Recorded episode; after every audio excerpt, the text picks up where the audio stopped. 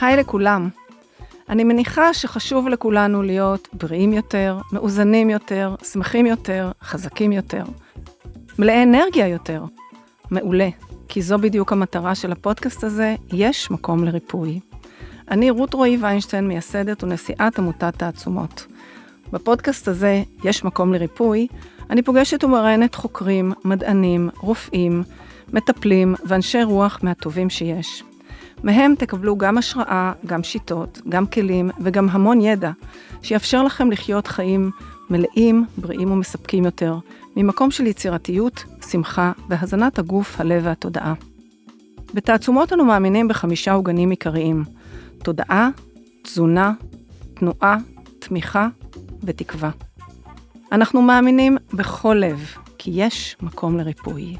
ולמען הסר ספק, אני מדגישה כי המידע שתשמעו כאן היום ובכלל אינו הנחיה או המלצה רפואית או אחרת, ואינו משמש כתחליף לייעוץ פרטני או אחר. אז יאללה, בואו נתחיל.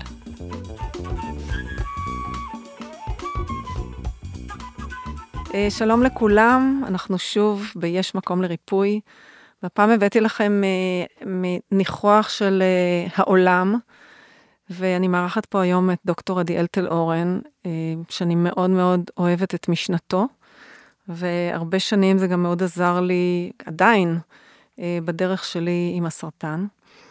אז קודם כל, תודה שהגעת בתוך הפקקים ובתוך הזמן המאוד מאוד עמוס שלך, אני יודעת כמה אתה מתרוצץ ועובד. תודה על האירוח. וכיף שאתה פה. אה, וקצת ככה, היום אמרתי בדיוק לעדיאל, שזה מדהים איך אני גיליתי עליו כמה דברים חדשים. אז ידעתי שאתה ירושלמי, אבל לא ידעתי שאתה בן למשפחה מוזיקלית. מאוד מאוד שמחתי לראות את זה. ושאתה היית במודיעין וגם אני. ובכלל שהתעסקת בתחילת דרכך בניצוח ובמוזיקה. הרמוניה והיסטוריית המוזיקה, ניצוח תזמורת, וואו, עשית, וואו וואו, איזה shift הלכת לכיוון uh, של מוזיקה אחרת של הגוף. אז uh, מקסים. ובמקביל למוזיקה, אז הוא גם למד uh, מדעי קדם רפואה. עשה תואר ראשון בכירופרקטיקה בארצות הברית, סיים בהצטיינות כמובן. איזה לא דוקטורט, לא תואר ראשון, דוקטורט. דוקטורט. Uh, ודוקטורט שני ברפואה כללית, אז הוא גם MD באוניברסיטה באירופה. ובכלל, עבדת, עשית, עבדת בהרבה מאוד מרכזים רפואיים, מרכזים לרפואה משפטית, זאת אומרת, הלכת uh, all in בתוך השדה הזה. והיום, בתוך המקום הזה שאנחנו חודשיים מאז שהתחילה המלחמה, וזה באמת טלטלה מאוד מאוד גדולה לכולנו, uh, היה לי מאוד מאוד חשוב להזמין אותך כדי באמת uh, לעשות לנו קצת סדר, ואיך אנחנו באמת שומרים על הבריאות שלנו במצב כל כך מטלטל ואחר. שלא לדבר על מי שבכלל מפונה מהבית, או עובר כל מיני טראומות, והחיים שלו ממש אה, upside down, החיים של, אנש, של הרבה מאוד מהאנשים. אנחנו גם בקשר עם הרבה מאוד מהאנשים, חלקם מתנדבים אה, שלנו, חלקם אנשים מהקהילה, שמתמודדים גם עם סרטן וגם עם אובדן, עם אה, נכדים ובנים פצועים, וילדים פצועים, עם נעדרים, עם שבויים, באמת סלט מאוד מאוד מורכב שלא ידענו אי פעם. ובתוך כל זה, מן הסתם אנחנו גם מאבדים קצת את העוגנים והיתדות שאנחנו אפילו רגילים להם. למשל, אני כל יום הולכת בחמש וחצי לים, וחודש לא הלכתי, ממש פחדתי לצאת בשעות כאלה מהבית, לים. אז כל מיני דברים שבאמת החזיקו אותנו מאוד מאוד אה, ככה באיזון, אה, מתערערים, וצריך למצוא, להיות יצירתיים ולמצוא דרכים אחרות וחדשות ונוספות. אז אני מאוד מאוד שמחה שאתה פה ממש לפני שאתה ממריא חזרה, כי מאוד מאוד חשוב לי להביא באמת גם את תפיסת העולם שלך, שהיא מאוד מאוד רחבה ומקיפה, וגם כדי באמת לתת, לצאת עם משהו שהוא באמת ביד, שאנחנו נוכל לדעת אה, ככה, מה אנחנו יכולים לעשות גם בזמנים כאלה, ואיך אנחנו שומרים על הבריאות שלנו. אז שוב תודה. אה, טוב, תודה שוב על האירוח. אה, המצב באמת, באמת קשה, לא צריך להגיד את המובן מאליו. ויש כמה סוגים של אה, אנשים שסובלים בדרכים אחרות אחד מהשני, יש כאלה שחוו את הטראומה באופן אישי, ויש כאלה שרק מלשמוע חדשות הם חווים טראומה כל יום. נכון. אולי אני אלך קצת אחורה לנושא המדעי של סטרס. מה הסטרס עושה לגוף. ואז נבין איך אנחנו צריכים אה, לשמור על עצמנו בצורה פרקטית. מהמם. אז לפני זה, פשוט מהסקרנות האישית שלי, מה הביא אותך ממשפחה מוזיקלית, אה, מרקע מוזיקלי, מלנצח על תזמורות, לנצח על התזמורת של הגוף? כאילו, זה תזמורת גם, אבל כאילו, זה באמת שינוי מאוד מאוד גדול. זה סימפוניה שיש בה הרבה צלילים צורמים, לצערי, בימינו. אה, אנשים חולים מאוד, יותר מאי פעם, וכמובן שהסטרס מוסיף אלמנט מאוד uh, uh, כבד בסימפוניה הזאת. מבחינתי, המוזיקה תמיד הייתה בדם, uh, גם מהמשפחה וגם uh, באופן אישי הופעתי בתזמורת רשות השידור ותזמורת mm. הקאמרית הישראלית אה, כנגן, עוד שהייתי בתיכון. נגן של מה? אה, טובה. וואו. הייתי סולן בטובה בכמה יבשות והופעתי בכמה כלים גם אחרים. אה, התחלתי בגיל 6 בכינור ואחר כך עברתי לעוד כמה כלים ובסוף ניגנתי גם בקונטרבאס בתזמורת סימפונית בטקסס. אז uh, מוזיקה תמיד הייתה ברקע, ועד עכשיו uh, אני יכול לנגן, אבל יותר כתחביב. Uh, תמיד היה חשוב לי להבין את הטבע, ולקבל את הטבע כ- כגורם אחראי מבחינה פיזיולוגית להתפתחות של הגוף, וגם לשמירה על בריאותו. וכל דבר שאנחנו עושים שסותר את, את הפיזיולוגיה שנובעת מתהליכים שמתרחשים כל הזמן בטבע, כשאנחנו לא מקשיבים ועושים מה שנראה לנו, הרבה פעמים אה, הסימפוניה מתחילה לסבול. לצרום. לצרום, ו... ואז אנשים מתחילים לפתח אה, מחושים או אה, בעיות בתפקוד, ולבסוף גם מצבים פתולוגיים יותר מתקדמים. אה, ומאוד חשוב להכיר את הטבע מכל הבחינות, לא רק מבחינה של תזונה, שזה די פשוט יחסית, כל אדם יכול להגיד לעצמו, זה דבר שהייתי יכול לאכול בטבע וזה לא יכולתי. לא רק מבחינה של המהות של המזון, אלא גם מבחינה של אה, איך לאכול, מתי לאכול, באיזה דחיפות לאכול ואיזה סוגי מזונות בכל קטגוריה. אה, מעבר לתזונה, יש גם הרבה אלמנטים אחרים שאנשים לא תמיד חושבים עליהם, כמו החשיפה לשמש לדוגמה, שזה דבר שכתבתי עליו את הספר, חבקו את השמש. ספר מצוין, אני ממליצה לכולם. אה, מאוד מאוד חשוב, כי אין כמעט מחלה שהשמש לא מועילה כנגדה, וחבל מאוד שאנשים מקבלים מידע כוזב מהרשויות מידע שאומר להם להימנע ולהיזהר מהשמש, ובכך הם נעשים הרבה יותר חולים והרבה יותר נזקקים לטיפולים רפואיים בעתיד מכל הסוגים. זה גם נוגע לנושא של היום. אה, אנשים לא מודעים לכך שהחשיפה לשמש גורמת לייצור של אה, כמה וכמה גורמים בגוף, ביוכימיים, שפשוט עוזרים לתפקוד המוח עוזרים להפחית את uh, רמת הסטרס ולה, ומעלים את היכולת שלנו להרגיש טוב באופן כללי, ואין זמן יותר חשוב מעכשיו למצוא דברים שייתנו לנו להרגיש טוב, אחרת אנחנו נשאבים לתוך המערבולת של uh, חשיבה שלילית, שפוגעת בנו מכל כך הרבה בחינות פיזיולוגיות, כי הסטרס, um, לפי מחקרים שנעשו, אם אם שומרים על עכברים במצב של סטרס רק שלושה ימים, אפילו פחות משלושה ימים, אפילו יום אחד עם הסטרס חזק מספיק, אה, נגרמים מיד אה, שלושה דברים, שלושה תהליכים קשים מאוד, שממחישים לנו עד כמה הסטרס משפיע על הבריאות הפיזית. דבר אחד, כל המערכת הרטיקולו-אנדוטיליאלית, שזה חלק ממערכת החיסון. אני שנייה עוצרת אותך, טוב? ברשותך. אה, אני מקשיבה למה שאתה אומר, ובראש זה כבר, יש לי איזה סרט של איך אנחנו חיים לעומת איך שאולי היינו, היה מומלץ לנו לחיות. אה, עם הקרינה, עם התזונה, עם השמש, כאילו זה, זה ארסנל שלם של דברים שבעצם היום העולם המודרני מאפשר פחות ופחות. אנחנו גרים בקומות, אה, והכול מרושת בקירות עם אה, G, G5, כאילו, ואני אומרת לעצמי, אכן, אולי, אם היינו, ואנחנו גם קשה לנו לוותר על הניידים ועל המסכים, אם אולי היינו יודעים לפני מה ואיך נכון לנו לחיות, לאכול, לנהוג, למשל אני עם הנייד, יש לי ממש שיח עם נייד אחר מאז שאני ידעתי את מה שאני יודעת. מה, ש, מה שגיליתי את כל העניין הזה של קרינה, אז כל. כל ה... עשיתי שינוי ממש רדיקלי בהתייחסות שלי לטל... לפלאפון. ובאמת, כל הדברים האלה באמת הולכים ומגבירים את הסטרס. יותר חשיפה גם לחדשות, יותר בדיוק. חשיפה ל... כל הזמן אנחנו בתוך הזה מעבירים ממייל. כל המהות שלנו מלשחק גוגואים, סליחה שאני עוברת למקום של הייתי ילדה, קצת כבר קצת גדולה. בירושלים זה היה אג'ואים. סיים סיים.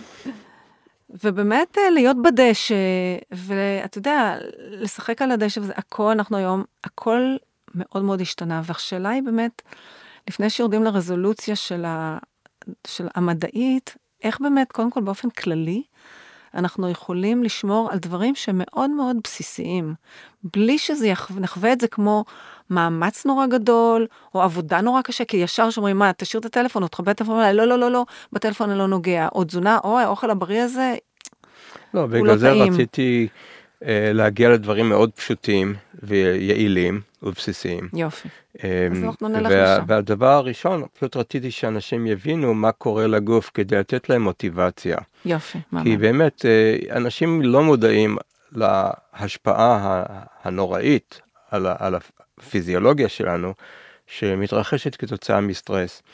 ואלה מחקרים שכבר נעשו לפני 70 שנה.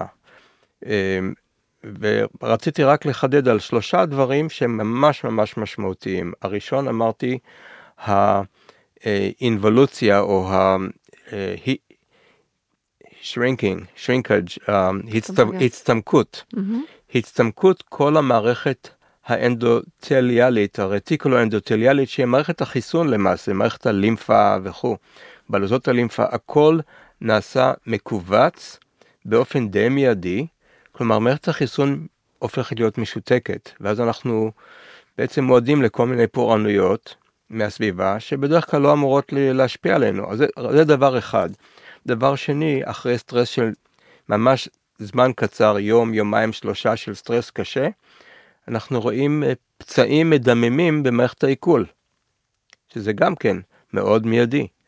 והדבר השלישי, אנחנו רואים אצל אותם אה, עכברים שהיו תחת סטרס רציני, אה, שיש להם היפרטרופיה או הגדלה משמעותית ביותר של בלוטת יותרת הכליה. Mm-hmm. כלומר, דברים שאפשר לראות אותם אפילו בעין, לא צריך אפילו מיקרוסקופ.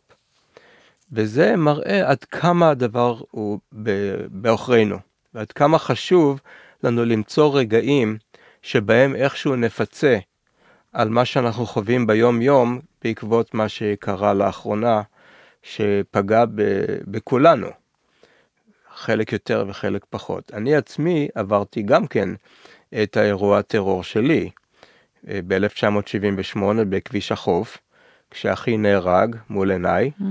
ואבי נפצע, חוויתי בעצמי את הנושא של הטרור בצורה הגרועה ביותר, ובאותם זמנים לא דיברו על סטרס, נכון. ולא דיברו על uh, פסיכולוגיה ואיך לעזור ו-PTSD וכו', אף אחד לא דיבר והיינו צריכים להתמודד לבד.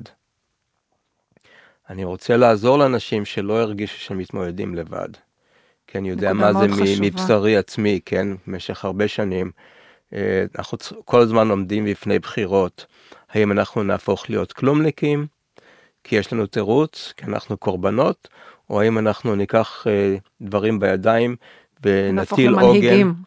כן, נטיל עוגן ונתחבר למשהו שייתן לנו משמעות בחיים וייתן לנו תחושה של אה, שליחות ויכולת uh, לעזור לאחרים uh, בצורה שבעצם גם משקמת את עצמנו. וכל שיקום עצמי חייב להיות אה, גם משמעותי מבחינת הזולת וגם אה, יצירתי. צריך כל הזמן ליצור ולחשוב מחוץ לקופסה, ולא להקשיב לכל מיני אמרות שפר ששומעים בעיתונות, או שמאמינים למה שהממשלה אומרת, או למה שמשרד הבריאות אומר. צריך תמיד לחשוד אה, בעצות שאנחנו מקבלים, ספק. ולהטיל ספק במיוחד אם זה לא תואם את הטבע. אז אז עכשיו, עכשיו... מה אתה אומר שאתה מתכוון תואם את הטבע? אני מאוד uh, מקבלת את מה שאתה אומר, וגם לגבי, מאוד לגבי היצירתיות ולחשוב מחוץ לקופסה, אלא שאנחנו צריכים כלים כדי שיהיה לנו את האומץ לחשוב מחוץ לקופסה, כי לחשוב מחוץ לקופסה בלי כלים, אנחנו יתומים. כן, בשביל זה צריך חינוך. החינוך נותן לנו כלים. כל פעם שאני רואה מטופל, אפילו אם הם באים רק להסיר אה, נגעי עור פשוטים, אה, או אפילו סרטן עור, זה לא משנה, תמיד צריך לחנך אותם קצת, לתת להם לצאת מה, מחדר הטיפולים עם מידע משהו. חדש שלא היה להם לפני שהם נכנסו, והמידע הזה עוזר להם להציל אנשים אחרים, ואז הם מצילים את שלהם, וכל אחד, זה מתפשט מהדהד. ומתפזר, ל, כן, להרבה הרבה אנשים שאני אפילו לא מכיר. אה, אז חינוך הוא מאוד מאוד חשוב, ואנחנו פה לתת מידע. אז בואו נתחיל במשהו הכי פשוט שכבר הזכרתי, וזה החשיפה לשמש. כשמישהו נחשף לשמש, קודם כל על הבוקר, ואת הזכרת שקשה לך ללכת בערב כי כבר חשוך. לא מרגיש- בערב, בים, בים בבוקר אה, חשוך. בים בבוקר, ועדיין חשוך, עכשיו כבר פחות בקיץ, חשוך. בקיץ לא, אבל עכשיו כן. כן. אמ, אז, אז לא חייבים כשחשוך, צריך ללכת סביב הזריחה.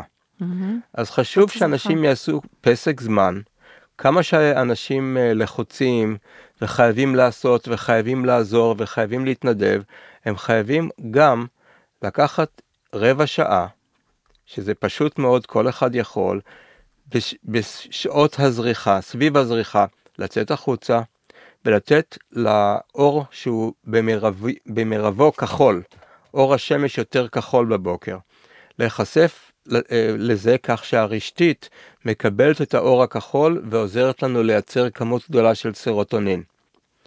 הסרוטונין גורם לנו להרגשה טובה, להרגשה נינוחה, להרגשה אפילו אם לא של אושר בזמנים אלה, לפחות הרגשה שאנחנו לא טובעים ב- בים של דיכאון. אז זה דבר שכל אחד יכול ליישם מיידית, להגיד לעצמנו עכשיו אנחנו עושים פסק זמן, מתעוררים סביב הזריחה ויוצאים קודם כל החוצה לטיול, להליכה של רבע שעה או עשרים דקות, שייתן לנו כל כך הרבה אה, עוצמה, רק מהסיבה של הסרוטונין. ובנוסף, אני רגע אעצר אותך. אה, אני יודעת, אני גם רוצה לשאול אותך לגבי השקיעה, וגם אני יודעת שמה שכאילו עובד, אני גם ניסיתי את זה תקופה ומאוד אהבתי את זה אגב, כי כשאני הולכת בים אני לא עומדת מול השמש ומסתכלת, אני הולכת, זה משהו אחר.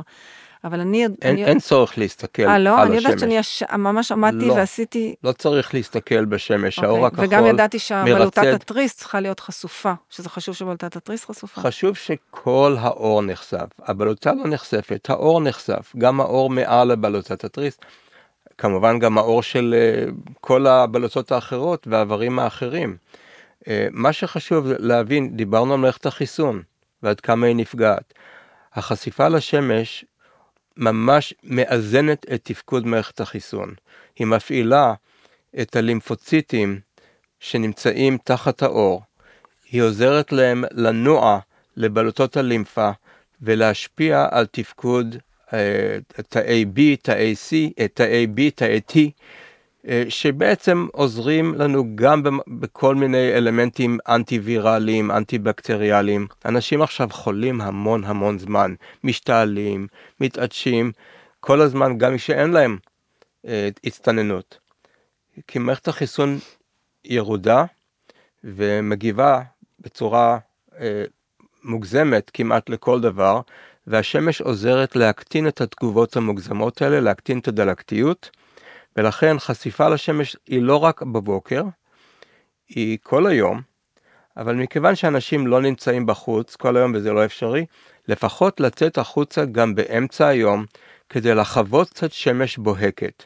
כל פעם כשאנחנו נחשפים לאור בוהק, אנחנו מייצרים במוח אה, חומר חלבוני, שהוא קשור לשרשראות של המון סוגים של חלבונים שמשפיעים על הנוירוטרנסמיטרים, ויותר מזה, הם משפיעים על ייצור אה, גורם נירוטרופי מוחי, שזה מה אומר? Brain Derived Neurotropic Factor, כן? גורם נירוטרופי מוחי, שעוזר לנו, א', לחדש ולרענן את תפקוד מערכת העצבים, לבנות תאי מוח חדשים ולהתמודד עם כל המחלות הנוירולוגיות והפסיכיאטריות, mm. כולל מחלות פסיכולוגיות קלות כמו חרדה, דיכאון ובעיות בשינה וכדומה. אלה דברים שאני מתאר לעומק בספר כן, ספר מצוין, אני מאוד ממליצה עליו. יש לי רגע שאלה. אז אוקיי, אז אם אני נגיד הולכת בצהריים בים, אה, יש חשיבות לזה שאני עם, עם משקפי שמש או בלי משקפי שמש, יש חשיבות לזה שאני יותר חשופה או פחות חשופה, זה אני כבר מבינה, כמה שיותר חשוף. כמה שיותר יותר טוב, במיוחד בצהרי היום. באמצע היום כשהשמש היא במרום השמיים, זה הזמן הטוב ביותר לקבל ממנה את מלוא התועלת בזמן הקצר ביותר. הרי אין לאנשים זמן להיות ש... שעות בשמש. זה גם לא נכון, אני חושבת, שעות לא בשמש. גם, זה לא, בדרך כלל הגוף יגיד לנו מתי זה יותר מדי. הוא אומר לכל בעלי החיים, כן. אני מניח שבני אדם מסוגלים לפחות להבין כמו כלבים ובעלי חיים אחרים, מתי הגיע הזמן לצאת מהשמש. אבל לאנשים אין מספיק שמש, ולכן חשוב להדגיש שיש לנו את ההליכה של הבוקר, זה בשביל האור הכחול שמסביבנו, הוא לא צריך לפגוע ישירות ברשתית. ואז יש לנו את צהרי היום, שזה הזמן הקריטי לחשיפה מרבית של כל האור, של כל הגוף, לפחות רבע שעה, 20 דקות, ואפשר גם להסתובב 5 דקות קדימה, 5 דקות אחורה, 5 דקות צד ימין ושמאל, כך שתחת אור בוהק ותחת ההשפעה המטיבה של הפוטונים שמגיעים לאור מהשמש, שתמיד הייתה פה ולכן זו דוגמה טובה ל- להקשיב חינם. לטבע. הייתה והיא חינם. נכון, ושוב, זה קשור להקשיב לטבע. היא הייתה פה לפנינו, כלומר כל מה שהתפתח אחריה, התפתח על סמך אותם פוטונים שהיו בסביבה כאשר אותו משהו התפתח. כלומר, הפיזיולוגיה שלנו לגמרי מוכתבת כן. על ידי הפ... הפוטונים האלה, ויש מאות אם לא אלפי נוטריאנטים שאנחנו מייצרים בעור ובמוח כתוצאה מהחשיפה הזאת. אז זה דבר שאפילו אם אנחנו סובלים, ואפילו אם אנחנו בדיכאון וחרדות כתוצאה ממה שקרה לאחרונה, פסק הזמן הזה גם בבוקר וגם בצהריים יכול לשנות עולם ומלואו ולחזק אותנו, לתת לנו חיבור לטבע ובין היתר זה גם גורם לנו להפסיק את הקשר החולני עם התקשורת, עם כלי התקשורת, עם הטלפונים, כי כשאנחנו הולכים בחוץ בשמש אנחנו נוטים לא להקשיב כל הזמן לחדשות או לחפש מידע חדש ברשת או בטלפון. אז זה דבר מאוד מאוד ללכת, חשוב. עכשיו ללכת תוך כדי, זה אותו דבר כמו לשכה, לשבת על החול נגיד, וזה, ההליכה או בבוקר, משקפי שמש כן או לא. לא. בבוקר הליכה, אה, כי שם אנחנו לא צריכים לחשוף את האור יותר מדי, שם זה הרשתית של העין, mm-hmm. שמקבלת את, את uh, מלוא התועלת. אבל בצהריים אנחנו רוצים לחשוף את האור, כמה שיותר מהאור. אז אם אפשר עם בקיני, או עם תחתונים וחזייה, או בעירום, תלוי בנסיבות. כל אחד מה שהוא יכול במרפסת הדרומית, אה, או המרפסת שמאפשרת חשיפה כלפי השמש, זה הכי חשוב, ובארץ אפשר גם בחורף לעשות זאת, יש מספיק שמש ברוב ימי, ימות החורף, אז, אז עדיף לא ללכת, אלא לשכב, כאשר השמש היא בזווית של 90 מעלות מהאור שנחשף באותו רגע. אז אם אפשר על כיסא, בחורף למשל. בקיץ לא צריך כיסא, אפשר גם לשכב. וכשאנחנו מתהפכים וחושפים את יתר האור, אז כל הזמן לחשוב על קרני השמש שיפגעו בזווית ישרה של 90 mm. מעלות. אה, ואז זה אידיאלי, ההליכה לא תאפשר לנו נכון. יותר מכמות מאוד קטנה של האור. ושם זה מאוד חשוב, כי האור הוא זה שנותן לנו את כל התועלת לגבי מערכת החיסון, אה, וגם לגבי מערכת העצבים, שמשפיעה באופן מיידי דרך האלמנטים של הסטרס על יותר את הכליה, mm. וגם על מחזור הדם, שאם הוא לא מיוצר, אם הוא לא מגיע למקום, ליעדו, אז אה, אזורים שעוברים שחיקה כמו מערכת העיכול, הם הראשונים שיפתחו את הפצעים שוטטי הדם שדיברתי עליהם. והרבה אנשים מרגישים בעיות בעיכול כולל אה, ריפלוקס והתנפחויות וגזים, גזים. הרבה יותר עכשיו מקודם, בגלל המתח הנפשי הזה, חוסר השינה שהוא גורם. ואגב שינה, שאלת לגבי זה, הערב, רוצה, זה נושא, אני רוצה שנדבר על זה שינה. הערב. כן. אבל את זה שאלת לגבי. לגבי השהייה בערב, זמן. השקיעה. אז הנה עוד פסק זמן של עשר דקות, רבע שעה של הליכה סביב השקיעה. כי זה האור האדום והכתום, ששוב, הרשתית נחשפת אליו, לא צריך להסתכל לשמש, זה אור שסביבנו. אנחנו מזה מתחילים לייצר את המלטונין, להפסיק להפיק את הסרוטונין, והגוף מכין את עצמו לשינה. שינה. ואז דווקא עכשיו שקשה לאנשים לישון, מאוד מאוד חשוב, ברגע שהשמש שקעה, להפסיק להתעדכן בחדשות. לא להקשיב יותר, אלא לדאוג לכך שאנחנו מוכנים ומכינים את עצמנו לשינה, לא אוכלים יותר מדי, יותר, אולי רק ארוחה קטנה אחרונה לפני שמפסיקים, לא חוזרים לבית עם אור בוהק באותו רגע, מקטינים את האור בכל הבית, מעממים אותו, משתמשים במנורות מלח אולי, שהכל יהיה... אני, יש לי אור- נורות אדומות. כן, נורות אדומות, וכתומות. או נורות מלח או נורות שהן גם פחם. כן אה, ורודות, אדומות, כתומות, שזה הרבה יותר אה, תורם לייצור המלטונין, וזה מאוד מאוד יעזור אה, בשינה, שהיא בעייתית אצל הרבה אנשים כרגע.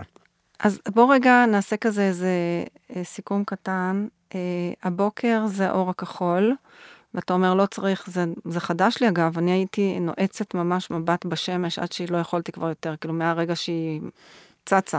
זה פוגע, אז, זה אה, פוגע ברשתית, החשיפה הישירה. אז כאילו, אם זה מרגיש לא נוח, סימן שזה תקשיבי, לא נכון. תקשיבי לטבע. כן, לא, אז כבר לא יכולתי, אבל כאילו הייתי מסתכלת עד שהשמש ככה קצת עולה. כשמסתכלים על השמש ישירות, אנחנו שורפים חלק מהתאים שקולטים את הפוטונים. זה חזק מדי. ואז, ואז יש איזה רגע או כמה רגעים שבהם את רואה, את לא רואה מספיק טוב, ויש אה, נכון. צלליות מול העיניים. זה סימן שאת שרפת כמה מהקולטנים והגוף צריך לייצר חדשים כן. במקומם. אז יופי, זה חידוד מצוין, תודה. Uh, ובצהריים אתה אומר באמת uh, רבע שעה, 20 דקות, לתת חשיפה של כמה שיותר שמש כדי לקבל.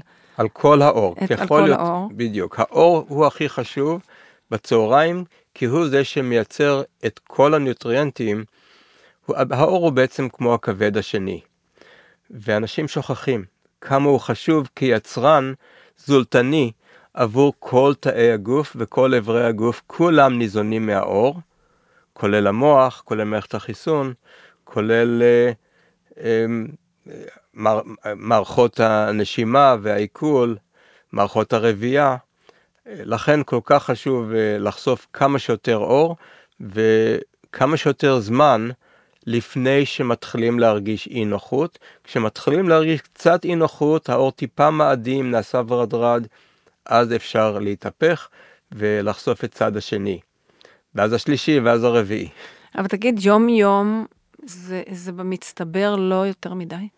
לא, להפך. להפך. כאילו אם- בשמש של הקיץ, אני חושבת על הקיץ הישראלי, שהוא אז מאוד... עושים פחות אה, זמן. אז אם בקיץ זה חמש דקות כל כל צעד, צעד. ויש לנו ארבעה צדדים, אז יוצא 20 דקות סך הכל בשביל כל הגוף. אם זה בחורף, אפשר גם פי שניים יותר זמן, זה עדיין לא יגרום ל... כן, לשום צרה. קל. אז. עושים לפי איך שהגוף מרגיש. לא הכרתי כמעט אנשים שלא יכולים ליהנות מלפחות כמה דקות על כל צד, וכל עוד הם מתהפכים, בזמן הם יכולים גם לחזור לאותו צד.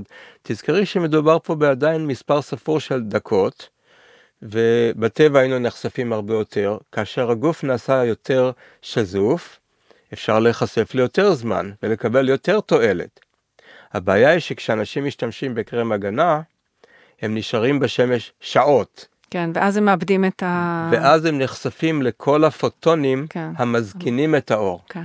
דווקא מבחינה של סרטן העור, החשיפה לשמש עד 20-25 דקות עוצרת תהליכים סרטניים בעור והופכת אותם אחורה. כלומר, סרטן התחלתי, והמחקרים מעידים על כך, סרטן התחלתי בעור בעצם עושה רוורסיה ומתרפא כשהחשיפה לשמש היא לא ארוכה מדי, אלא בדיוק בכמות הנכונה לפני שמתחילים להרגיש אי נוחות. אז זה בצהריים, ובערב זה האור הכתום וה... והאדום. והאדום. כשאני גם ממליצה מתוך ניסיון אישי, אני גם אימצתי לי את הכללים האלה, וזה מדהים. אני, קודם כל, אני מגיעה, אני סוגרת את הנייד בבית, כאילו אין נייד בבית, אין מסכים, אני משתדלת מאוד לא להתפתות להיכנס לאימיילים, אה, וכל האור באמת מעומם, ואני מוכרחה להגיד ש... תראה, המסע שלי עם הסרטן היה לפני 19 שנה, זה עשה לי שינוי, זה עשה שינוי לכל המשפחה, לא רק לי. זה מדהים, אנחנו כולנו מהממים את האורות, ונכנסים אל איזה מוד אחר של קצת יותר שקט, ו- ומניחים, מניחים רגע את ה... את האקטינג הזה בצד. כן. אה, וגם לגבי התזונה, אז רציתי גם להגיד שזה מאוד מאוד חשוב, אה, לא לאכול יותר מדי בערבים, כי הרבה אנשים באמת לא, במשך היום לא אוכלים הרבה או לא מספיקים, ואז את הארוחה העיקרית שלהם שמים בערב. זה לא נורא כל כך אם זה בשעה יחסית מוקדמת. מוקדמת. מיד אחרי השקיעה אפשר לאכול גם ארוחה גדולה אם יש עדיין כמה שעות לפני השינה. ויש. מה זה כמה שעות? שלוש?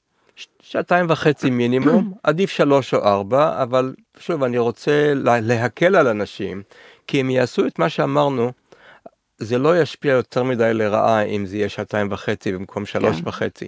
אז כמה שפחות חוקים שהמשמעות שלהם היא לא עד כדי כך קריטית. יופי, זו הערה מאוד מאוד חשובה. אמ, אז אה, צריך לבחור את המלחמות שלנו, ולבחור אותם כך שאנחנו לא מצרים את צעדינו. נכון, ולא סובלים, אני חושבת שברגע שמתחילים לסבול... ומרגישים מוגבלות, נכון. מוגבלות יתר. אז אני נותן עצות מה כן לעשות במקום מה לא לעשות. במקום להגביל את עצמנו, בואו נראה מה הדברים הפשוטים שאפשר ליישם כבר עכשיו, שיעזרו לכל הגוף, במיוחד אנשים שכבר סבלו בעבר ממערכת חיסון פגועה. שזה כמובן אנשים שפגשו את הסרטן, סרטן. ובימינו ובימינו גם כל אדם שסובל מסטרס. כשמערכת החיסון ירודה, אנחנו שוב צריכים לחזור לטבע, ולהקשיב, ולשמוע, ולבקש את העצה של הטבע. מה קורה כשאנחנו נמצאים בטבע ועושים אה, מקלחת יער, למשל? אה, אנחנו בעצם נושמים מולקולות מאוד מיוחדות שהצומח מפריש אל האוויר, הצומח משתמש באותן מולקולות שהוא מייצר כדי להגן על עצמו מכל מיני בקטריות, וירוסים, פטריות, מזיקים, פרזיטים, אה, שנמצאים כל הזמן סביבנו. כשמערכת החיסון ירודה, הם פוגעים בנו הרבה יותר, וזאת כר- כרגע הבעיה של הרבה אנשים. לכן אני מאוד ממליץ לנשום מולקולות צמחיות ביואקטיביות, שהן בעצם המולקולות האקטיביות היחידות שנמצאות בתוך שמנים אתריים. כלומר, במקום לנשום את כל השמן האתרי, שהוא קצת בעייתי כי יש פה הרבה שומן שיכול לסתום את הריאות, ויכול גם ל... לסתום, אה, לפגוע בחפצים וכדומה, ויש בו גם הרבה מולקולות שסותרות את הפעילות של המולקולות האקטיביות, כי הצומח לא רוצה להשתמש באותן מולקולות עד שהוא באמת צריך אותן.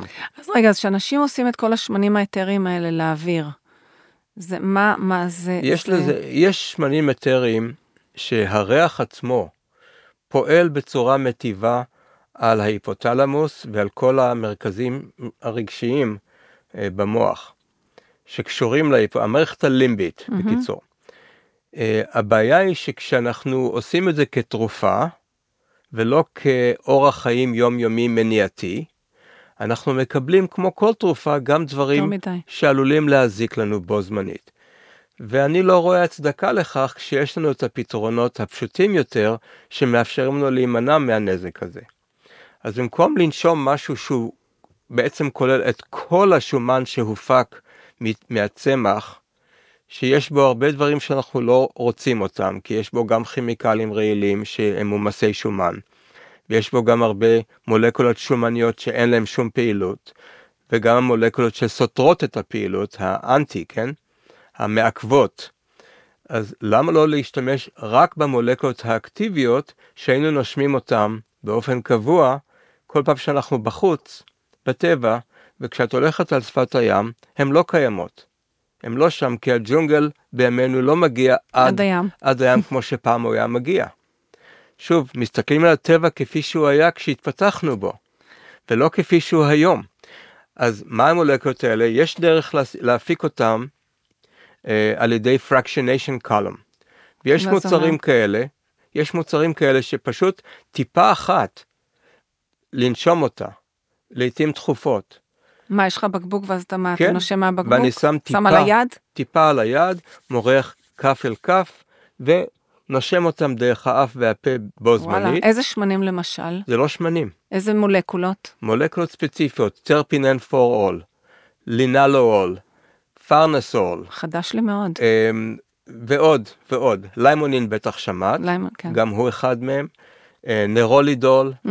הם מולקולות פנטסטיות של על כל אחת מהם יש מאות מחקרים, mm-hmm. לא עשרות, מאות מחקרים על כל התועלת במניעת מחלות, בעצירה של חיידקים, של פטריות, של וירוסים, של פרזיטים, לא על ידי הריגתם, אלא על ידי יצירת מצב משהו. מאוזן של שלום הדדי, שבו המולק...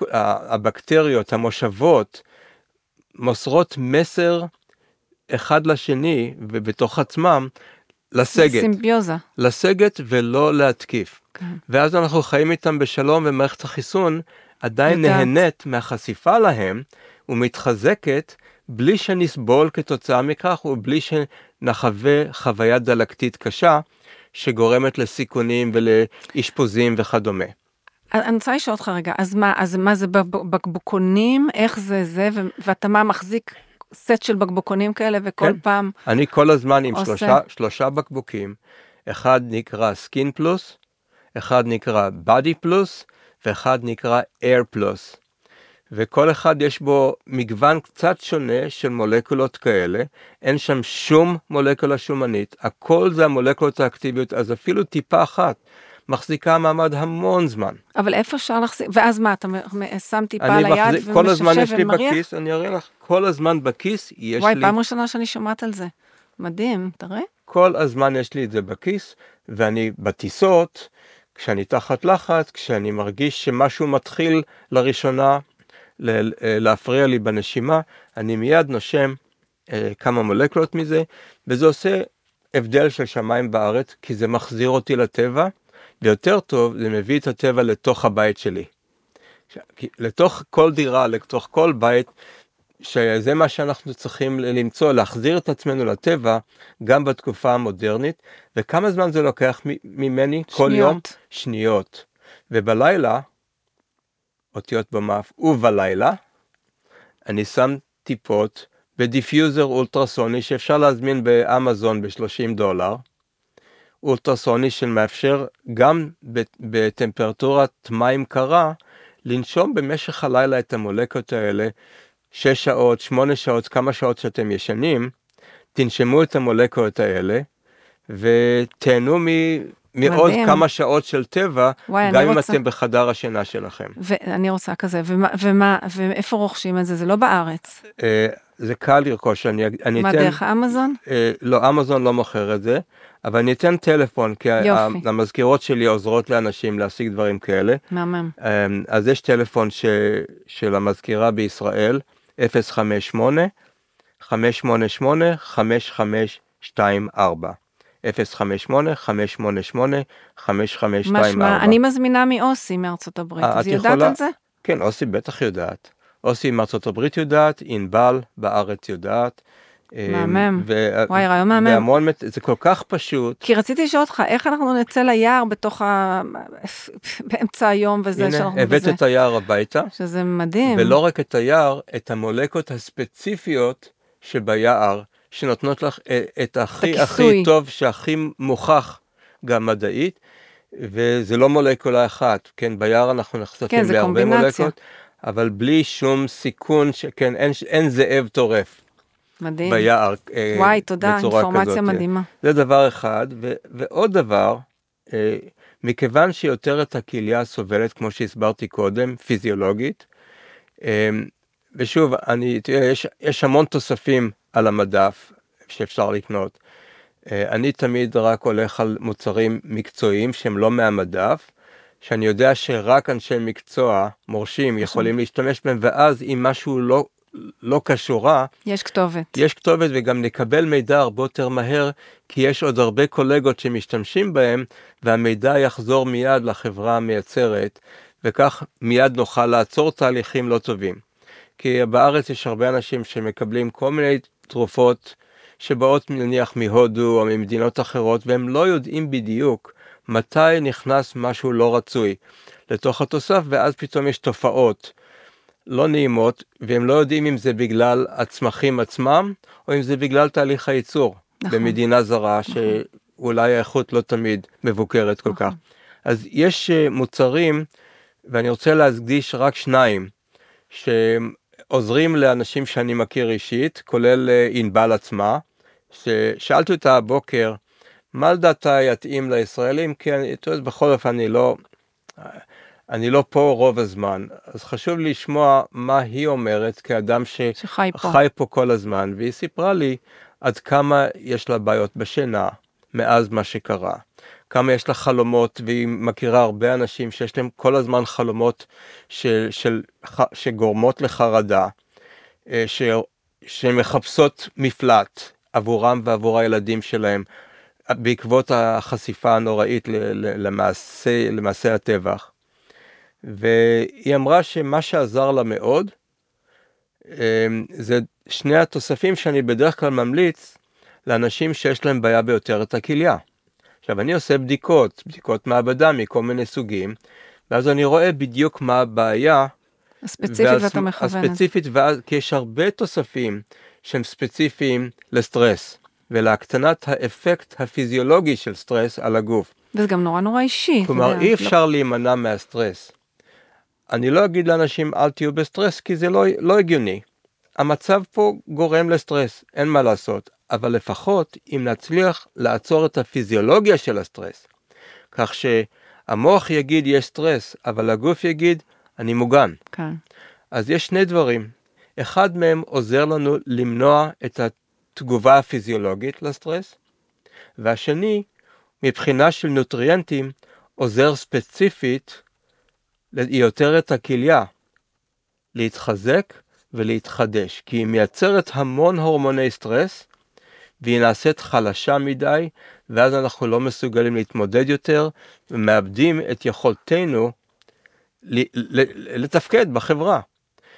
זה מה שקורה בשלב השלישי של מה שנקרא General Adaptation Syndrome, שאנחנו כבר לא יכולים להסתגל לסטרס הסביבתי, ואז אנחנו צריכים לחזק יותר את הכליה בנוטריאנטים ספציפיים שהוכחו מדעית שהם תורמים לבלוטה לחדש את עצמה, לחזק את עצמה. אז יש רק שני תוספים כאלה, ואני רק אמליץ עליהם כי אני רוצה שלאנשים יהיה פשוט, כי ענבל, יש לה של, שלוש, שלושה ילדים, והיא אם חד הורית, ויש, כל הזמן היא צריכה לקחת אותם, לקחת אותם לבית ספר, לקחת לחוגים, וגם לחשוש על כל מה שקורה, וגם בעיות כלכליות, כי הכל נעצר בארץ.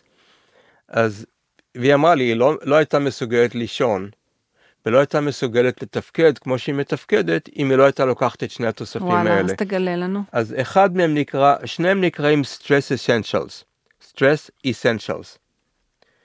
אחד מהם um, נקרא Balance, Stress Essentials Balance, שזה, ה, הוא כולל בתוכו צמחי מרפא ונוטריאנטים שעוזרים לעצור, כלומר אדפטוגנים. כן, שצריכים לעשות את הפולו. אדפטוגנים שעוזרים לגוף לא לתפקד מבחינה פיזיולוגית כאילו הוא תחת סטרס.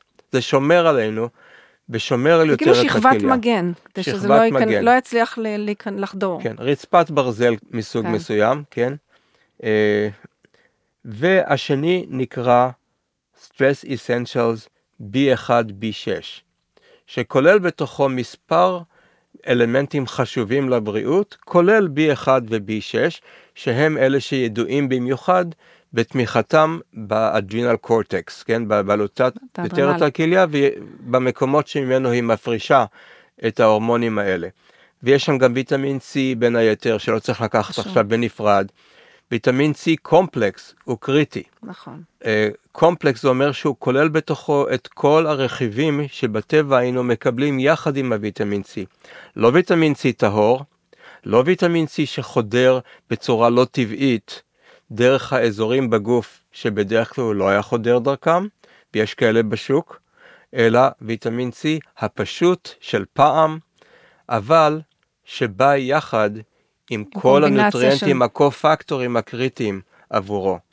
אז זה מה שצריכים לחזור אחורנית קצת, וזה אומר לחזור לטבע, גם אם אנחנו לא אוכלים הכי בריא, כי אי אפשר, כי אנחנו בצבא או במילואים, אה, או בנסיעות זה, בין לבין. זה מעולה שזה גם לא צריכים יותר מדי, זה שניים, שזה כן, מהווה איזושהי מערכת הגנה. והם נותנים הרבה נוטריאנטים נוספים שתומכים, אבל זה באמת המינון והטוהר הם כך שזה משפיע לטובה בלי חשש לאלמנטים אה, לא רצויים שיש בהרבה תוספים שהם פחות מקצועיים. וזה גם נוטרידיים, או יש את זה באיך, איך אנשים יכולים להשיג זה את זה? זה נוטרידיים, ושוב, אה, ענבל יכולה לעזור לאנשים להשיג את זה. כן, חברה מעולה. אה, אני בעצמי לא, לא עוסק בזה, לא מתפרנס מזה, אבל ענבל ואוסי יכולות לעזור מאמן. אה, בנושא הזה. ענבל מזמינה לגב... קבוע את הדברים האלה. גם ו... אנחנו. וללקוחות שלה היא, היא נותנת, וגם את יכולה. כן. אה, מצוין. הבת שלי עם אוסי בקשר. יש לי ילדים, למשל הנכד שלי, שהוא בן שבע וחצי, שמונה תכף, נכנס נורא לחרדות מהאזעקות. כל המלחמה הזאת הכניסה אותו נורא לחרדות. עכשיו, איך הוא לא ייקח את ה... קשה לו לבלוע. יש משהו, פתרון שיכול להיות לילדים? יש, אבל הם לא אידיאליים, בגלל העובדה הסוכר? שתמיד מכניסים... מלא סוכר. מכניסים אה, כל מיני חומרי ממתיקים. טעם. חומרי טעם נקרא להם. מתוק כלול בהם. אמ, יש אה, אבקות שאפשר אה, לנסות להשתמש בהם שאין בהם חומרים רעילים. ולפחות הם נותנים נוטריאנטים שמחזקים את, ה, את הילד. הם לא כולם טעימים במיוחד, אני ממליץ על אלה שאין בהם אמ, סטביה וממתקים מהסוג כן. הזה. אה, יש דברים שהם עם אה, טיפה יותר נוחים לגוף, ו... שוב, אני אגיד, אני, אני אשאיר לענבל uh, מה אני ממליץ, ואז היא, אם מי שיתקשר אליה, היא תוכל לתת להם uh, תשובה. יופי. ולעזור להם באבקות שילדים יוכלו לערבב במים ולשתות, או אם יש להם מימייה קבועה, תמיד בדיוק, אפשר להכניס, זה במים, זה להכניס uh, כפית קטנה שיהיה להם עוד משהו. זה טוב בלאו הכי שיהיה להם גם קצת מינרלים נכון. ודברים אחרים. רעיון מצוין, יופי. אוקיי, עכשיו עוד דבר מאוד חשוב, זה להכיר את עצמנו. שזה מה זה אומר להכיר את עצמנו? להכיר את יכולתנו להתמודד. כל אדם הוא שונה בתחום הזה. יש אנשים שתחת מצבי סטרס מתפקדים פנטסטי, ויש כאלה שנופלים תחת סטרס, כי כל אחד מאיתנו, או שהוא fight or flight, או שהוא uh, go to rest, ככה play dead, תשחק מת, כי זה גם עוזר לנו נכון, להתנתק. לשרוד, לשרוד בטבע, אם אתה משחק כאילו אתה מת, הרבה חיות טורפות יעזבו אותך לנפשך. נכון. אז אלה שלא מתפקדים טוב במצבי סטרס, או שלא מסוגלים, או שהם פשוט אה, נעשים קטטונים, מאבדים תפקוד, לא יכולים לעשות שום דבר, אפילו לא לנהוג במצב של סטרס. לא יכולים לתקשר טוב עם אנשים אחרים, זה פוגע בכל, בכל האלמנטים של החיים שלהם. הם צריכים לדעת לגבי עצמם מה אפשר לעשות כדי לשפר את זה, את התגובות שלהם לסטרס, בזמן אמת. ולכן אני הבאתי לארץ בדיקה אוקסימטרית שנקראת קרדיצ'ק. היא בדיקה שמבוססת על, אה, על אה, פקטור, על, על אה, סמן, הידוע ביותר מבחינה מדעית כסמן של anti aging. כי מסתבר ש anti aging לא צריך להיות משהו מדופלם ויקר וקשה להשגה. anti aging אפשר להוסיף בקלות חמש שנים לחיים, רק על ידי אה, הבנה של heart rate variability, זה הסמן. שוני בקצב הלב. ככל שהשוני רב יותר, יכולתנו להתמודד עם סטרס גדולה, גדולה יותר. יותר. עכשיו, יש כל מיני תוכנות באינטרנט שאפשר uh, להוריד לטלפון או למחשב, שעושות את זה, שנותנות לנו לראות את הסמן בהקשר לעצמנו, אבל הן לא מתוחכמות, וחסרים הרבה פרמטרים שעוזרים לנו להבין את עצמנו וגם לראות ממש שחור על גבי לבן אם יש לנו נטייה פרסימפטית יותר מסימפטית. אנחנו לא רוצים לא את זה ולא את זה. צריכים איזון. בדיוק. אז עודף סימפטטיות זה אנשים שהם כל הזמן ב-fight or flight, כל הזמן בחרדה קיומית, אה, שהורסים, שורפים את עצמם, כמו ששרפת את הרשתית, הם שורפים את יותר את הכליה, ומגיעים מהר מאוד למצב של General Adaptation Syndrome, שזה כבר השלב מתקדם. המתקדם של אה, בעיה ביותר את הכליה, שמביא, בסופ... שמביא לסרטן. ולמחלות אוטואימיוניות, מחלות קשות מאוד אחרות, פיברומיאלגיה, אנשים שלא מסוגלים לקום, לקום מהמיטה, הם אלה שהגיעו לשלב השלישי של mm. General Adaptation Syndrome, אני לא מאחל לאף אחד להגיע לשלב הזה. מי שמכיר את עצמו כ-fight or flight הוא כל הזמן סימפתטי, הוא לא מאפשר למחזור הדם להגיע לאיברים הקריטיים בגוף, כל הבלוטות, כל הנימים, כל האיברים הפנימיים לא מקבלים מספיק דם, לא מקבלים מספיק חמצן, לא משחררים את דו תחמוצת הפחמן ולא משחררים את הרעלים האחרים שמופקים מהרקמות. אז הם סובלים מנטל כללי, הרעלתי, חיסוני, הכל נפגע, וזה כי הם סימפתטיים כל הזמן, ללא הפסקה. גם הלב שלהם עובד שעות זה נוספות. זה הכל, זה הכל, כל המערכת. יש להם דפיקות לב, יש להם פלפיטציות, הם לא, הם לא יכולים, אה, הם רוצים להתאשפז, כי יש להם את ה-sense of doom, תחושת האבדון. כיליון, כיליון. הכיליון, האבדון ש, שעומדת לנחות על ראשן. אה, ומצד שני יש את האנשים שהם פרסימפטטיים באופן, באופן מוגזם. אנשים כאלה קשה להם לקום מהמיטה בבוקר, אין להם מוטיבציה, אין להם חשק, הם כל הזמן נטייה להיות עייפים ולא יוזמים שום דבר, גם להם מאוד קשה לתפקד. והסטרס פוגע בתדמית העצמית שלהם וביכולת כן, שלהם להרגיש. זה כמו דומינו. כן, זה, כלומר גם הם צריכים לצאת מהמצב הפרסימפטי העודף הזה ולהגיע למקום הניטרלי, כן, למקום שבו אנחנו מתפקדים מה שנקרא uh, בתדרים uh, נמוכים, low frequency, תדרים נמוכים שמייצגים את ה-heart rate variability, בלי להיכנס לפרטים כרגע. יש דרך לבדוק את זה בדקות ספורות, ואז לדעת איך אנחנו מתפקדים באופן תדיר, באופן יומיומי, ואז עושים את הבדיקה שוב. אבל איך, אוקיי. בדיקה. מאוד פשוטה וזולה. אז. קיבלנו את, ה, את המאניואל של מה, מצבנו, מה אנחנו עושים עם זה? בדיוק, בדיוק, ולכן יש הבדיקה השנייה. הבדיקה השנייה נעשית אחרי דקה של הסתגלות לנשימות נכונות יותר, בעזרת דקה, המחשב. דקה אנחנו נושמים נכון? לומדים לנשום נכון עם עזרת המחשב, ואפילו אם זה לא נשימה נכונה לחלוטין, נניח שהיא עדיין לא נשימה שרפתית, כי יש אנשים שלוקח להם זמן ללמוד איך לנשום שרפתית, אבל כשהם עושים את הנשימות יותר נכון, בקצב יותר טוב, יותר איטי, פנימה והחוצה, כמה שניות, 4-5 שניות, פנימה 4-5 שניות החוצה, ועושים את הבדיקה שוב, אצל חצי מהאוכלוסייה מגיעים לתוצאות פנטסטיות, מיידיות. רק מנשימה? רק מנשימה. וואו. ביקשתי ממני להביא לך דברים פשוטים. מדהים. שאפשר מיד ליישם. אני, רואים אני... את זה שחור על גבי לבן מיידית, אני יכול לתת לך דוגמה. ואנשים מרגישים את זה גם מיידית, פיזית? כן. כאילו... כן. מה, מה, לוקח כמה דקות, אולי כמה שעות, הרי הם היו במצבים שסטרס. קשים מלכתחילה, אבל התוצאה של ה-heart rate variability study, מבחינה של cardiac coherence, ומבחינה של autonomic nervous system, כן, מערכת העצבים האזונומית, מיידית מראה לנו שיפור אצל כמעט כולם, אצל כחצי זה שיפור של יום ולילה, לא להאמין, כל המערכת הסימפטטית והפרסימפטטית מתרכזת באמצע, במקום האידיאלי של האזור הניטרלי, ו... ואז הם יודעים בדיוק מה הם צריכים לעשות כדי לשמור על זה ביום יום. ואז מה? ואז הנשימות האלה כל הזמן מחזירות אותם לאמצע? זאת אומרת, גם את אלה שהם... הם לומדים, ומה... זה נותן להם מוטיבציה הם לנשום מלמדים נכון. את עצמם לנשום בדיוק. נכון, מה שמחזיר את המערכת לאיזון? זה בדיקה שהיא גם טיפול.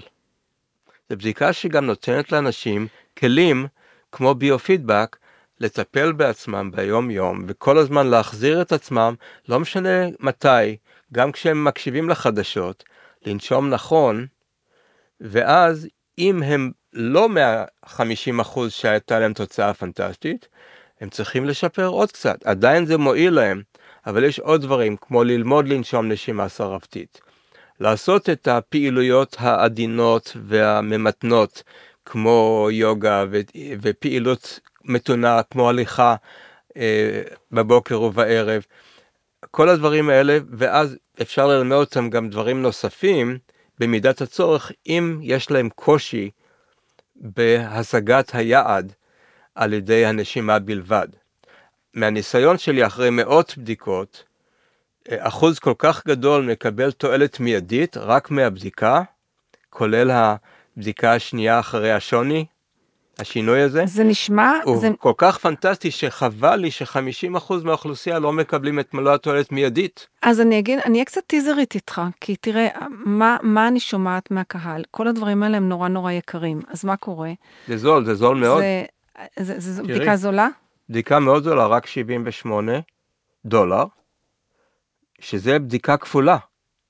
זה מה שאתה מדבר על ה... זה, זה הקרדי צ'ק, והיא כמובן אנשים... וזה, עם- וזה אתה, אתה עושה אחת לכמה זמן, לא, או זה אתה פעם עושה אחת. פעם אחת ויש לך כלי לחיים? בדיוק. פעם אחת כלי לחיים. עכשיו, אותם אנשים שלא הצליחו, והרבה מהמטופלים, אלה שיש להם בעיות יותר קשות, כי מערכת עצבים אוטונומית, היא, אם היא לא מאוזנת, יהיה להם קשה להתרפא מכל מחלה, והם בקלות גם ייכנסו למצב חולי, כי כל מחזור הדם אצלם לא מתפקד, ההורמונים, הבלוטות, הכל לא במקום הנכון, ואצלם סיכוי יותר סביר שהם יגיעו גם לטיפול ויעשו את הבדיקה. לכן אני- רואה יותר מאלה, ואלה הם האנשים שעושים אחר כך פגישת ייעוץ כדי לקבל כלים על זה. נוספים, כדי שהם ידעו איך לשפר, ואז אחרי שהם מתאמנים חודש, חודשיים, שלושה, הם יכולים לעשות את הבדיקה שוב, אבל רק פעם אחת, ואז זה חצי מהמחיר, רק פעם אחת, כדי לוודא לראות שהם במקום הנכון. שהם במקום הנכון, שהם עושים את העבודה כמו שצריך, ואז הם לא צריכים להיבדק יותר אף פעם.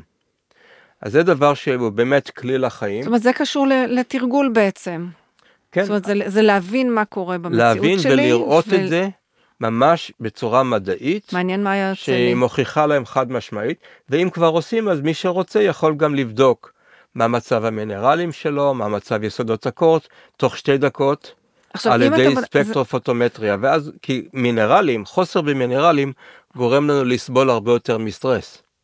אני חושבת שאבל גם וגם גורם לנו לעוד יותר, כאילו זה המקום, זה, זה אחד, אחד, הפתרון אבל הוא אחד פשוט. מושך את השני. את צודקת, והפתרון הוא פשוט. כי שוב, אנשים שיש להם חוסר בליתיום, לדוגמה, לא יודעים את זה. נכון. חוסר בליתיום פוגע במערכת העצבים, ולכן יש להם עוד יותר קושי לתפקד. חוסר במגנזיום פוגע מאוד ביכולת המוח להירגע, במיוחד מגנזיום מהסוג שחוצה את מחסום הדם והמוח. אז אנשים כאלה עם חוסר במגנזיום יסבלו מהמון סממנים של אני- סטרס, והבדיקה מראה להם איזה, בדיוק. איזה מינרלים בדיוק יש להם חסר, היא מראה תוך שתי דקות, בבדיקה מדעית של ספקטרופוטומטריה, לא צריך דם, לא צריך לנקב את האור, הכל על ידי אה, אה, קרן לייזר, בדיקה פשוטה. ש, מאוד פשוטה, ש, ממש שניות. קרן הלייזר חוזרת מהאור לתוך אה, אה, רפרקטומטר, מהמם.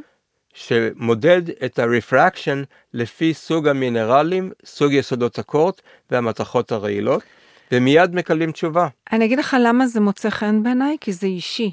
אני חושבת שאנחנו כולנו תוקעים המון המון תוספי תזונה, כי אומרים לנו שהתוסף הזה טוב ובריא, אז אנחנו לוקחים יאללה על הדרך. אבל נכון. בעצם אנחנו לא מדייקים את התוספים שאנחנו לוקחים, ואז זה הרבה פעמים יכול לעשות עוד יותר בלאגן. כי אנחנו בלאגן, מכניסים את חוסר עצמנו איזון, לאי-איזון. וגם אנשים כשהם מנחשים, הם משתמשים בעודף תוספים. ניחוש מביא ליתר תוספים. כן, זה גם מתוך פניקה, אני חושבת. הארון מתמלא, הארון מתמלא בתוספים שאף אחד בסוף לא משתמש בהם. עדיף שיהיה פחות ויעיל. אבל מדויק. בדיוק. וזה גם עולה הרבה יותר, וגם זה מייאש. כמה אני צריך לקחת? כן, וגם אם אני לא רואה שיפור, אם אני סתם לוקח, נכון, אני גם לא נכון. רואה שיפור. נכון. אז, אז בדיקה כזאת שהיא גם כן, בדיקה אחרת שעכשיו הזכרתי אותה עם הספקטרופוטומר, היא גם בדיקה זולה מאוד, שלא צריך לעשות אותה הרבה, והתשובה מגיעה לטלפון הנייד מיידית, וואו, בסוף הבדיקה. טכנולוגי מאוד. כן. אז זה דבר אני, שיכול אנחנו, לעזור לאנשים. אנחנו כמעט בזמן, ואני נורא, מאוד מאוד הייתי שמחה. אה, קודם כל, אתה נותן כאן אינפורמציה מאוד טובה, כי היא פשוטה. ואני אוהבת שדברים פשוטים, ואז אפשר ליישם אותם, והם לא מבהילים, כי אתה לא צריך להיכנס לאיזה פרויקט ולשנות את כל החיים, ועל אף שכן, אם לעשות שלוש פעמים ביום שמש... אה, לא, לא, זה לא שמש, זה הליכה. כן, פעם הליכה, אתה צריך לרגע... רק, שמש רק פעם אחת פ... בצהריים, ולא כשיורד שלג. כן, כן, זה ולא ברור. כשקר ומעונן. יש מספיק ימים בחורף שאפשר לקבל תועלת בארץ בקו, בקו כן, הגובה לחתוך, שלנו. כן, אתה יודע, אנשים שעובדים במשרדים, לחתוך את הימים ללכת, שלהם, לצאת ללכת לשמש. ללכת לגג. אם יש גג... גג או דשא. גג או דשא, כן. אה, זה לא קשה, והליכה בוקר ערב זה ממש רבע שעה, אנשים חייבים את זה. פשוט אה. חייבים את זה, וזה פשוט, וזה קל. נכון. אני מוסיף חינם, לכם משהו לחיים, זה חינם. מוסיף לכם ולא נותן לכם המון איסורים אה, כרגע מבחינה של דיאטה ומזון וכדומה. רק מי שמבקש ושואל. אז זהו, אז רציתי לשאול אותך בעניין הזה, ואנחנו באמת, אה, הזמן שלנו קצת אה, אוזל, זה לגבי תזונה, כי אני חושבת שתזונה זה מרכיב מאוד מאוד חשוב, ואני יודעת שפה יש לנו לדבר שבועיים.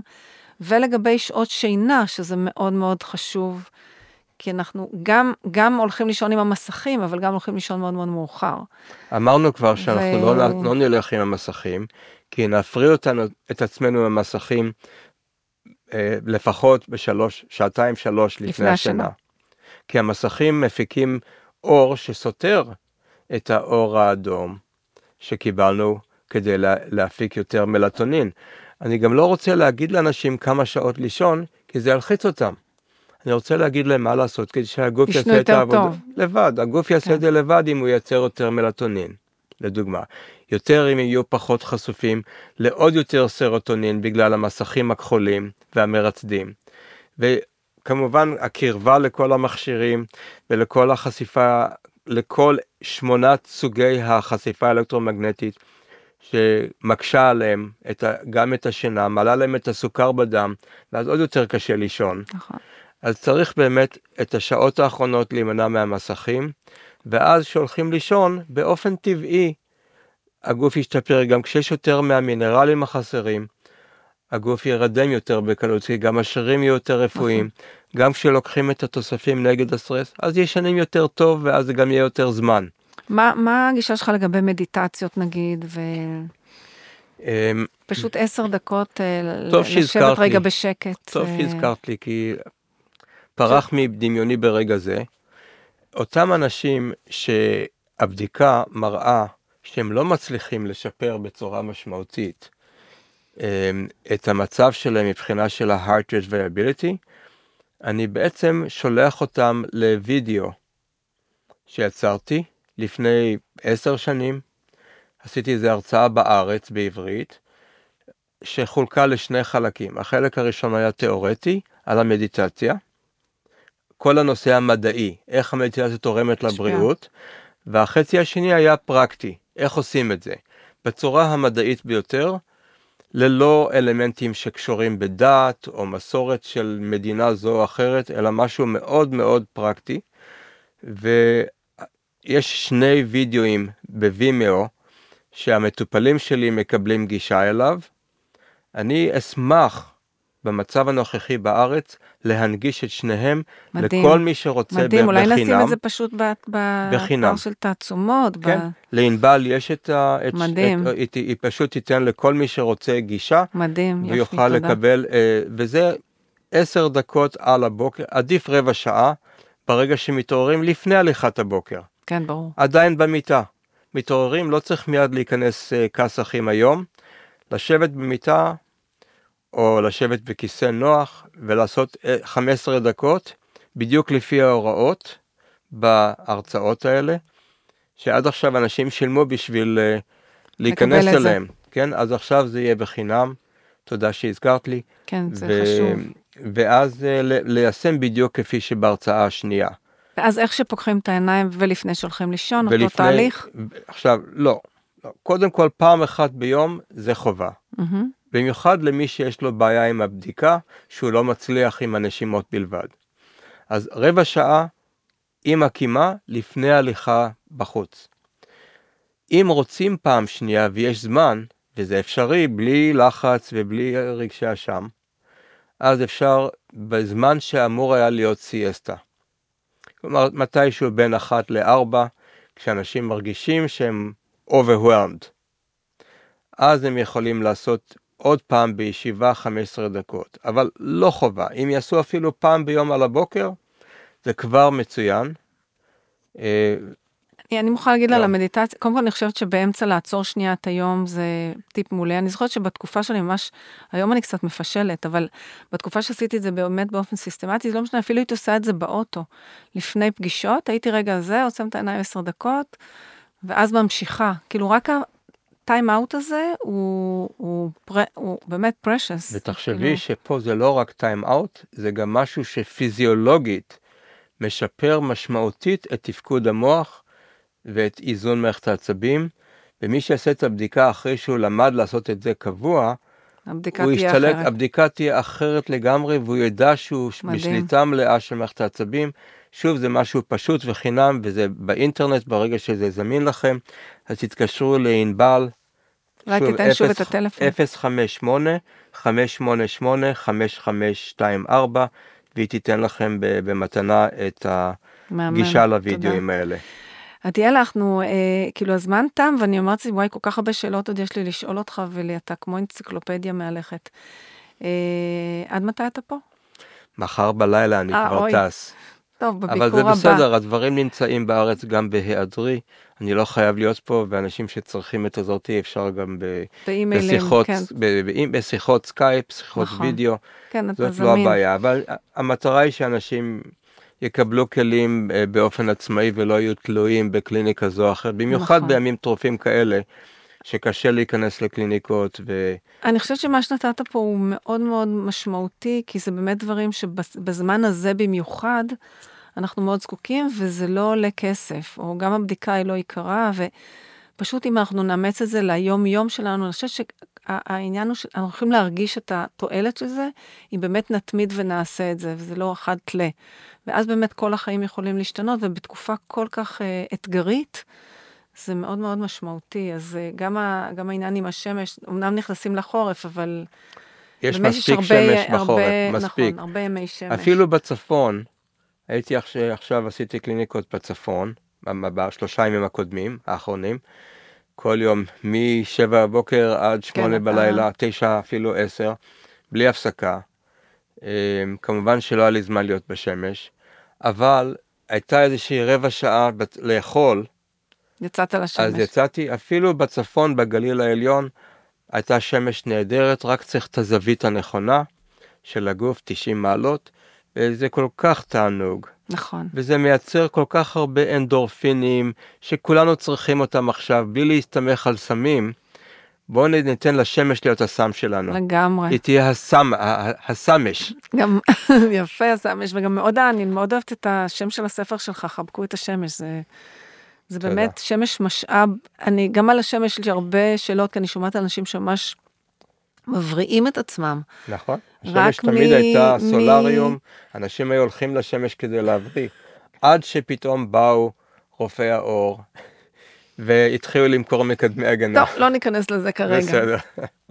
שמונעים מהגוף לייצר את כל, הפוט, את כל הפוטוניוטריאנטים שהוא צריך לייצר. בקיצור, צריך לחזור לטבע. בקיצור. אה, עדיאל, ממש ממש תודה. בשמחה. שבתוך כל הלו"ז הצפוף שלך אה, הגעת.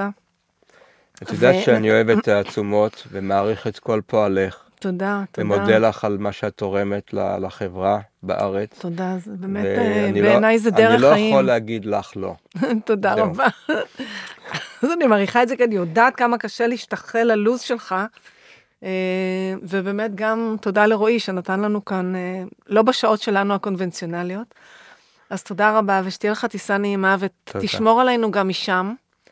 ואני באמת, אני באמת חושבת שבאמת, וזה אני רוצה לעודד אנשים, שזה פשוט לעשות את זה. כאילו, פשוט תעשו. תמיד אני אומרת, just do it. פחות לדבר, פשוט לעשות, להכניס את המערכת לטרק אחר, זה שינוי חיים מאוד מאוד דרמטי. כן, אם קשה, אז אפילו רק דבר אחד כל שבוע. להוסיף עוד דבר אחד נכון, כל שבוע, נכון. זה מאוד פשוט. נכון. אז תודה רבה רבה רבה. בשמחה. תבורך, אני אוהבת תודה, אותך, ממש. תודה. ולסיום, אנחנו רוצים לאחל לכל הפצועים שיבריאו במהרה. תנחומינו לכל משפחות ההרוגים, וכמובן שהחטופים יחזרו אלינו מהר ובשלום ובבריאות. להתראות לכולם.